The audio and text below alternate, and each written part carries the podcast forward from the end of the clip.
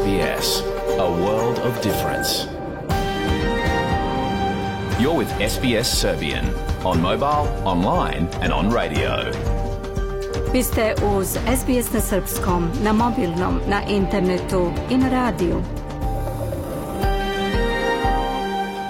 SBS odaje priznanje tradicionalnim vlasnicima zemlje sa koje danas emitujemo program na srpskom. Ovim izražavamo poštovanje prema narodu Vurenđer i Vojvurung, pripadnicima nacije Kulin i njihovim prošlim i sadašnjim starešinama. Takođe odajemo priznanje tradicionalnim vlasnicima zemlje iz svih aboriđinskih naroda i naroda sa ostrava iz Toresovog Moreuza, sa čije zemlje slušate program. Dobar dan! Danas je utorak, 21. novembar 325. dan 2023. Do kraja godine ima 40 dana. Ja sam Biljana Ristić, a u današnjem programu Izvršna direktorka Optusa juče podnela ostavku, čemu je prethodilo saslušanje u Senatu, o čemu ćemo reći opširnije posle pregleda vesti. Srpska akademija nauka i umetnosti obeležila 182 godine od osnivanja, izveštava Hranislav Nikolić. Novi izveštaj otkriva da skoro trećina lekara opšte prakse planira da napusti profesiju narednih pet godina. Opširnije i o tome. Sutra se navršava 60 godina od kada je bivši predsednik Sjedinjenih država Kennedy ubijen u Dallasu. Osvrnut ćemo se na istorijske činjenice. Mladi melburnski glumac Michael Todorović igra u romantičnoj komediji čuvenog brodvejskog pisca Nila Simona. Nataša Kampmark razgovarala je sa njim i taj razgovor pred kraj programa. Ostanite sa nama do 16 časova. Sledi pregled vesti.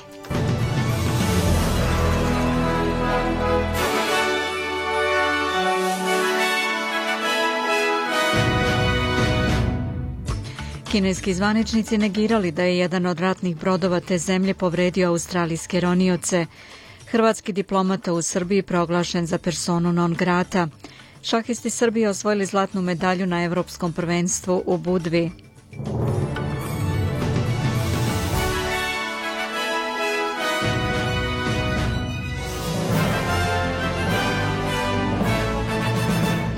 Kineski zvaničnici negirali su da je jedan od ratnih brodova te zemlje povredio australijske ronioce u incidentu koji je premijer Antoni Albanizi nazvao opasnim i neprofesionalnim.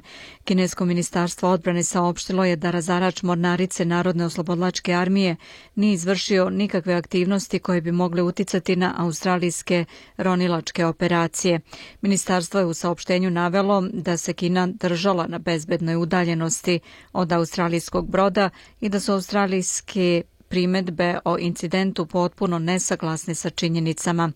Federalna vlada je prvi put otkrila detalje incidenta u saopštenju u subotu posle sastanka premijera Albanizija i kineskog predsjednika na samitu APEC u San Francisku. Well, we've raised it very clearly Premijer je za Sky News rekao da u okviru APEC-a nije bilo bilateralnog sastanka na kojem su dvojica lidera razgovarala o incidentu, međutim kaže da je drugim kanalima jasno stavio do znanja da se Australija protivi incidentu u kome je mornaričko osoblje povređeno sonarnim impulsima sa kineskog broda. Well, what I said when I was in China is that we will Ono što sam rekao kada sam bio u Kini je da ćemo sarađivati gde možemo, da se nećemo slagati kad tako mora da bude i ovo je jedan od trenutaka kada se ne slažemo sa akcijom Kine. Jasno smo stavili do znanja da se ne slažemo sa onim što se dogodilo, da imamo najoštriju moguću zamerku i da do ovakvog događaja nije trebalo da dođe. Fregata koja je učestvovala jasno imala znak da se pod vodom nalaze ronioci. Oslobađali su propelere od ribarske mreže i trebalo im je dozvoliti da preduzmu tu normalnu aktivnost bez ovakve vrste intervencije Kineza. Opozicija i dalje postavlja pitanja o incidentu, a port parol koalicije Andrew Hasty tvrdi da je nedostajalo transparentnosti o tome šta je premijer rekao kineskim zvaničnicima. U međuvremenu premijer Zapadne Australije Roger Cook otputovao je u zvaničnu posetu Kini u pokušaju da ojača poslovne i turističke veze. On je rekao da će razgovarati sa predstavnicima industrije i ključnim čelnicima kineske vlade. Glavni ekonomista Privredne industrijske komore Zapadne Australije Aaron Murray kaže da je ovo kritična trgovinska misija za državu pošto Kina čine 55% ukupnog izvoza zapadne Australije. Oh, look, we, we do remain hopeful. Obviously there has been significant uh, progression. Očigledno da je došlo do značajnog napretka u tom odnosu i dalje želimo da vidimo ukidanje ograničenja oko recimo izvoza vina i svežih jastoga. Ovo su zaista važne industrije za zapadnu Australiju i postoji još dosta toga što bi trebalo postići. Uveren smo da će se to i desiti, rekao je on. Vladine agencije će ispitati stabilnost telefonske linije 3.0 nakon nedavnog kvara na Optusovoj mreži, što je sprečilo na stotine ljudi da pozovu pomoć u hitnim slučajevima. Australijska uprava za komunikacije i medije nezavisno procenjuje Optusovu usklađenost sa pravilima o hitnim pozivima. Premijer Anthony Albanese je rekao za Sky News da će vlada takođe pokrenuti reviziju o prekidu komunikacija. Radit ćemo na nizu pitanja, uključujući i kibernetičku bezbednost, a već neko vreme sarađujemo sa privatnim sektorom. Očigledno je da je ovo bio potpun krah, rekao je on, naglašavajući da će sve biti transparentno. Sjedinjene američke države će obezbediti Ukrajini novu tranšu vojne pomoći u vrednosti od 100 miliona dolara, najavio je šef Pentagona Lloyd Austin tokom iznenadne posete Kijevu. Novi paket pomoći će uključivati municiju za artiljeriju i sisteme PVO kao i protivtenkovsko oružje. This is more than just Ukraine alone. This is about Austin kaže da je to zato što je napor Ukrajine da porazi ruske snage važan svima u svetu. Ovde se radi o međunarodnom poredku zasnovanom na pravilima o tome da autokrata ne može da pregazi svog mirnog suseda kada mu padne na pamet, rekao je Austin. Neobičan incident dogodio se juče u albanskom parlamentu kada je predstavnik Demokratske partije Saimir Koreši aktivirao nekoliko dimnih bombi kako bi sprečio izglasavanje budžeta za 2024 zbog čega ga je predsedavajuća Lindita Nikola izbacila sa sednice i zatražila intervenciju čuvara kako bi se uspostavio red.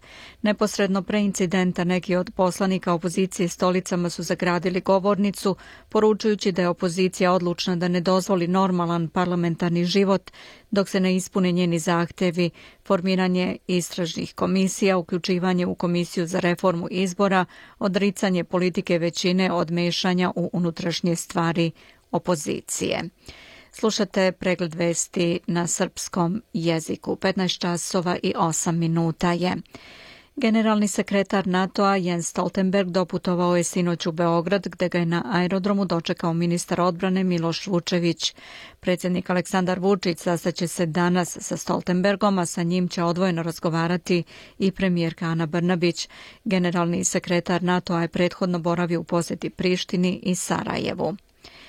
Ministarstvo spoljnih poslova Republike Srbije je 20. novembra donelo odluku da u skladu sa članom 9 Bečke konvencije koja reguliše diplomatsko-konzularne odnose proglasi Hrvoja Šnajdera, prvog sekretara u ambasadi Republike Hrvatske u Beogradu za personu non grata.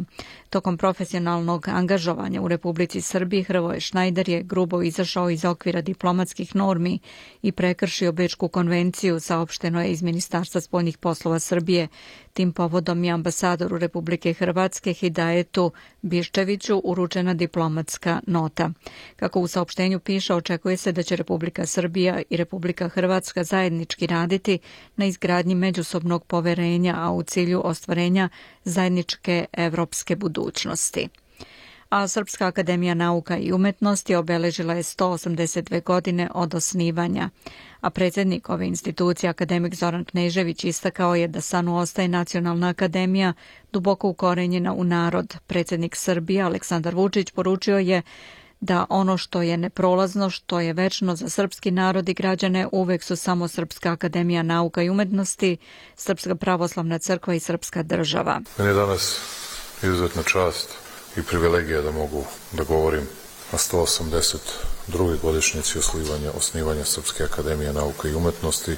I ono što smatram važnim, to je da svi mi koji se bavimo nekim drugim poslovima, smo uvek prolazni i u dnevnom i u istorijskom smislu.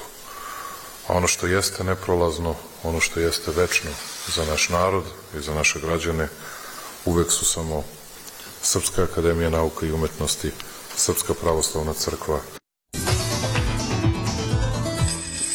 Da pogledamo i kolika je vrednost australijskog dolara danas. Prema američkom vredi 66 centi, 60 euro centi, 53 britanska penija i 70 srpskih dinara, 46 para.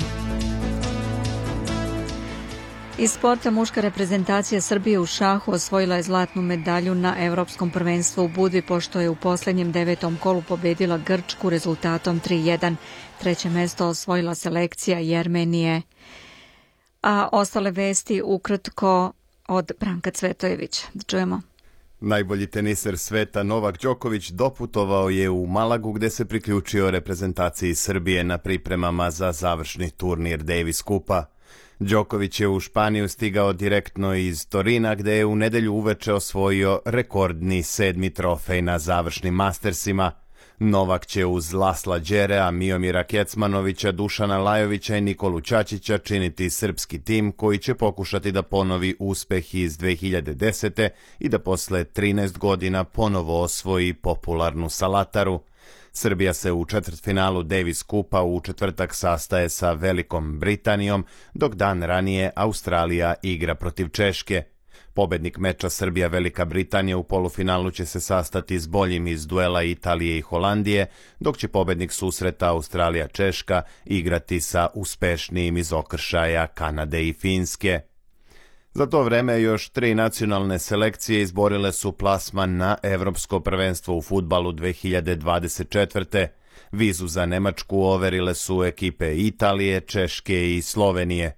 Italijani su u odlučujućem meču odigrali nerešeno s Ukrajinom 0-0 i tako osvojili bod koji im je bio neophodan za plasman. Češka je bila ubedljiva protiv Moldavije 3-0, dok je Slovenija u direktnom duelu za drugo mesto u grupi pobedila Kazahstan sa 2-1. Prethodno plasman na evropsko prvenstvo ostvarila je i selekcija Srbije remijem 2-2 protiv Bugarske u poslednjem kolu. Za direktan plasman ostalo je upražnjeno još jedno mesto, a velike šanse da popuni tu poziciju ima Hrvatska, kojoj pobeda na domaćem terenu protiv Jermenije garantuje drugo mesto u grupi. Naknadno će biti određene i tri grupe dodatnih kvalifikacija u kojima će igrati 12 selekcija sa lošim učinkom. Tu su između ostalih reprezentacije Grčke, Ukrajine, Bosne i Hercegovine i Izraela. I na kraju pregleda vesti da pogledamo i vremensku prognozu po većim gradovima. U Pertu sunčano vreme 32, lepo u Adelaidi 24, oblačno u Melbourneu sa 20, Hobart mestimično oblačno 19, Kambera lepo 26, mestimično oblačno je u Sidneju sa 23, kiša u Brisbaneu 25 i pretežno sunčano u Darwinu 33. Beograd danas tokom dana kiša do 12 stepeni. Čuli ste pregled vesti na srpskom. Za sve najnovije posetite sbs.com.au kosacrta news.